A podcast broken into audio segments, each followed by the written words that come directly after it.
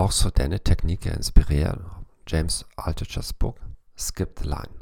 De fleste av oss foretrekker å lytte til meninger der bekrefter våre egne meninger. Derfor oppretter vi våre egne ekkokamre.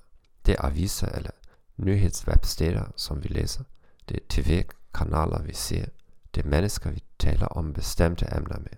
Det gjør oss meget sårbare i en debatt. Det ligner det der sker med vårt immunsystem hvis vi isolerer os i vores huse i lang tid. hvad er løsningen? Du gør præcis det motsatte.